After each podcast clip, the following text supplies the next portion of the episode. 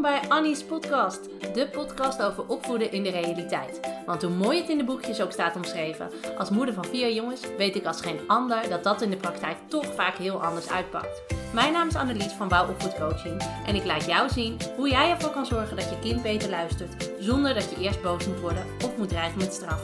Op een nuchtere, praktische, humoristische en realistische manier. Veel plezier met deze aflevering van Annie's podcast.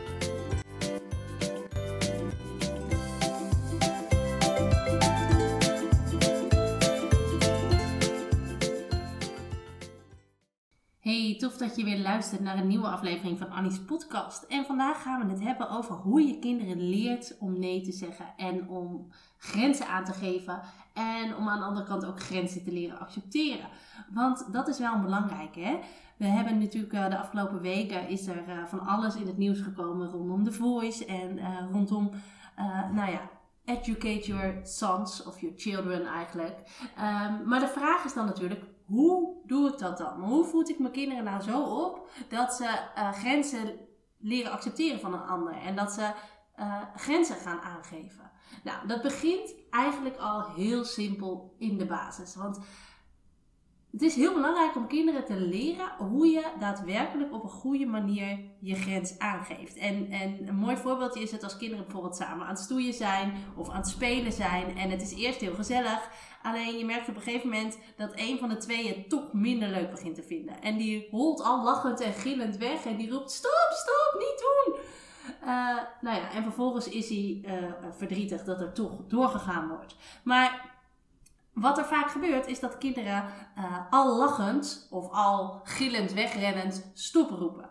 En wat daar gebeurt is dat je dus eigenlijk een signaal afgeeft wat niet, um, nou ja, niet congruent is. Want je kind zegt stop, maar ondertussen lacht hij ook nog. En dat is voor andere kinderen heel moeilijk om dan te zien van, hè, is het nou nog leuk of is het nou niet leuk? Dus als je kind dat doet, hè, uh, uh, hij roept wel stop, maar hij lacht ondertussen ook nog.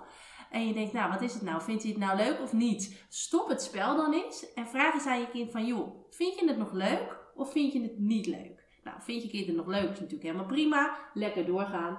Maar vind je kind het niet leuk, maak dan van dat moment ook even gebruik om te laten zien aan je kind van, ja, weet je, het is heel goed dat jij stop zegt, maar de manier waarop jij stop zegt, uh, is voor anderen heel onduidelijk. Want doordat jij uh, wel stop zegt, maar ondertussen ook nog heel erg aan het lachen bent en ondertussen ook nog uh, gillend wegholt, lijkt het voor de ander alsof het spelletje gewoon nog doorgaat en alsof jij het spelletje nog leuk vindt. Dus op het moment dat jij het echt niet meer leuk vindt, moet je van tevoren moet je duidelijk zeggen: stop, ik wil het niet meer.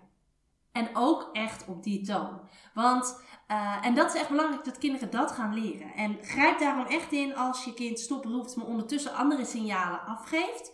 Om echt even bij je kind te checken van, wat is het nou? Is het stop of is het doorgaan? En als het stop is, zorg dan dat je met je hele lijf en je hele stem ook echt stop zegt. Dat is een heel belangrijke. Dat is een mooi voorbeeldje als je kinderen bijvoorbeeld samen gaan stoeien. Nou, dan weet je natuurlijk al. Mijn moeder zei vroeger altijd al, dus wachten totdat het weer misgaat. Maar spreek dan eigenlijk van tevoren al even af van jongens, als iemand het echt niet meer leuk vindt, dan is dit het stopwoord. En op het moment dat je dat hoort, wordt er ook echt gestopt. En dat is, dan is het zaak om daar ook even alert op te zijn. Dat als er stop geroepen wordt, dat er dan ook daadwerkelijk gestopt wordt. Maar leer kinderen dus aan om zowel verbaal als non-verbaal uh, stop uit te dragen. Want, uh, uh, en het is ook wel een leuke om aan kinderen te leren waarom dat zo belangrijk is. En dan helpt het wel eens om het voorbeeldje te geven dat als je een hondje hebt, die kan jou niet verstaan. En uh, je item en je zegt, ah, je bent een rot hondje. Ja, jij bent echt een heel stom hondje. En dan even aan je kind te vragen, wat denk je nu dat het hondje hoort? Denk je nu dat het hondje uh, zich geliefd voelt, omdat je hem toch aait en omdat je het met een hele lieve zachte stem zegt? Of denk je dat het hondje uh, um, Ehm, voelt dat jij zegt dat het een stom hondje is. Hetzelfde als wanneer je heel boos zou zeggen: Jij bent een hele lieve hond. Welke boodschap krijgt je hond op dat moment binnen?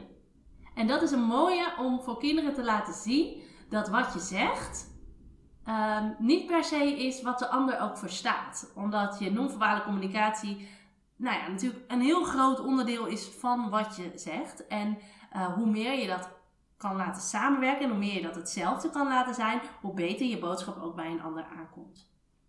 Nou, dat is punt 1. Punt 2, wat heel belangrijk is, als wij willen dat kinderen uh, hun grenzen beter gaan aangeven, zullen wij als volwassenen de grenzen van onze kinderen ook beter moeten gaan accepteren.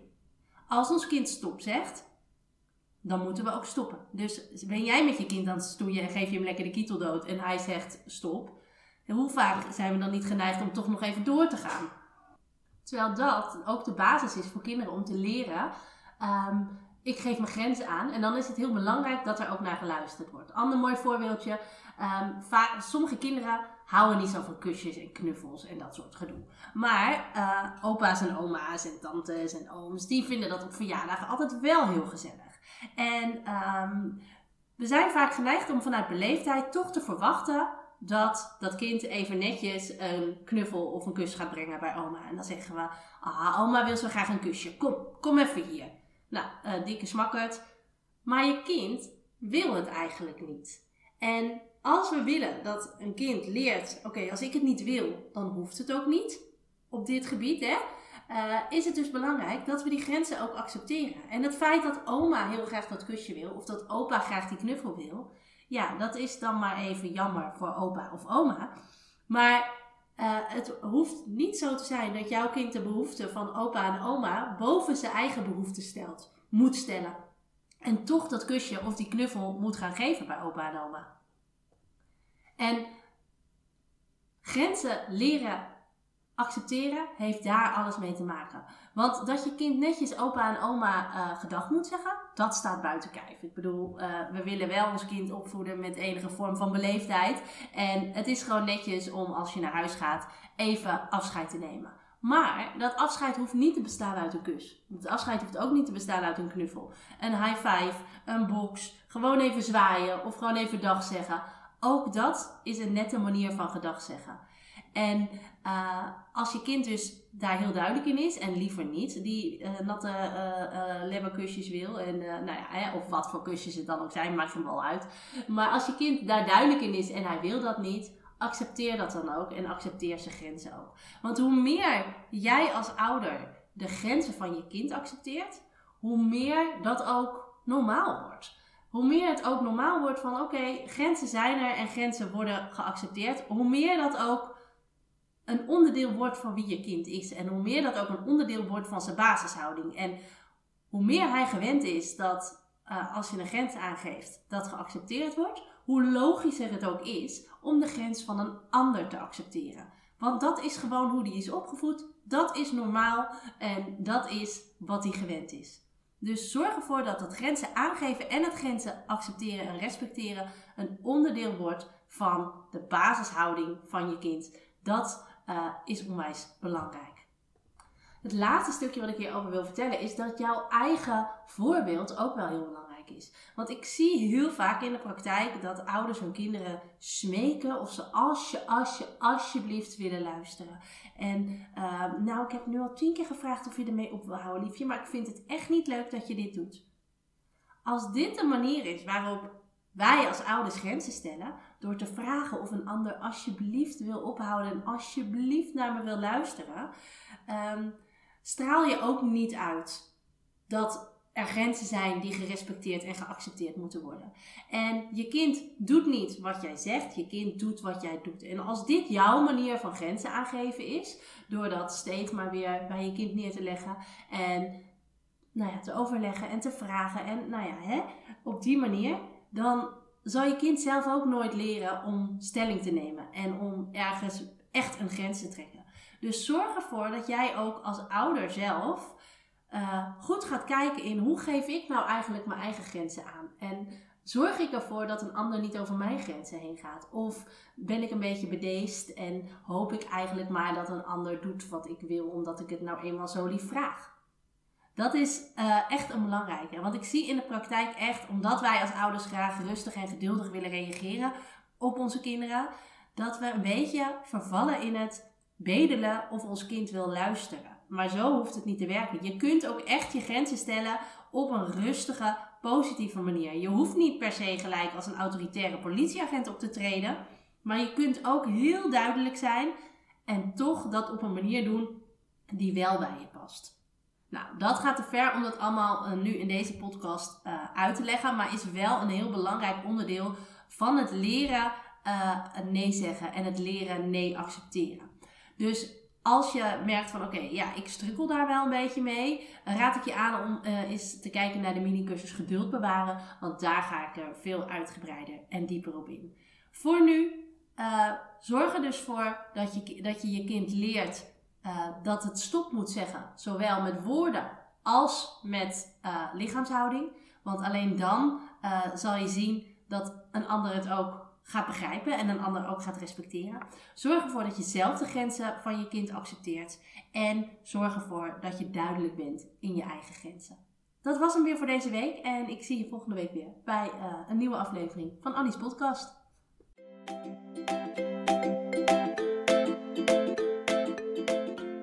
Superleuk dat je deze podcast hebt beluisterd. Kan je nou niet wachten tot de volgende aflevering van Annie's podcast? Ga dan naar Instagram, zoek me op via wouw-opvoedcoaching, want daar deel ik iedere dag toffe en inspirerende tips met je. Om er zo voor te zorgen dat het opvoeden van je kind leuker en makkelijker wordt. Wil je nou nog meer weten?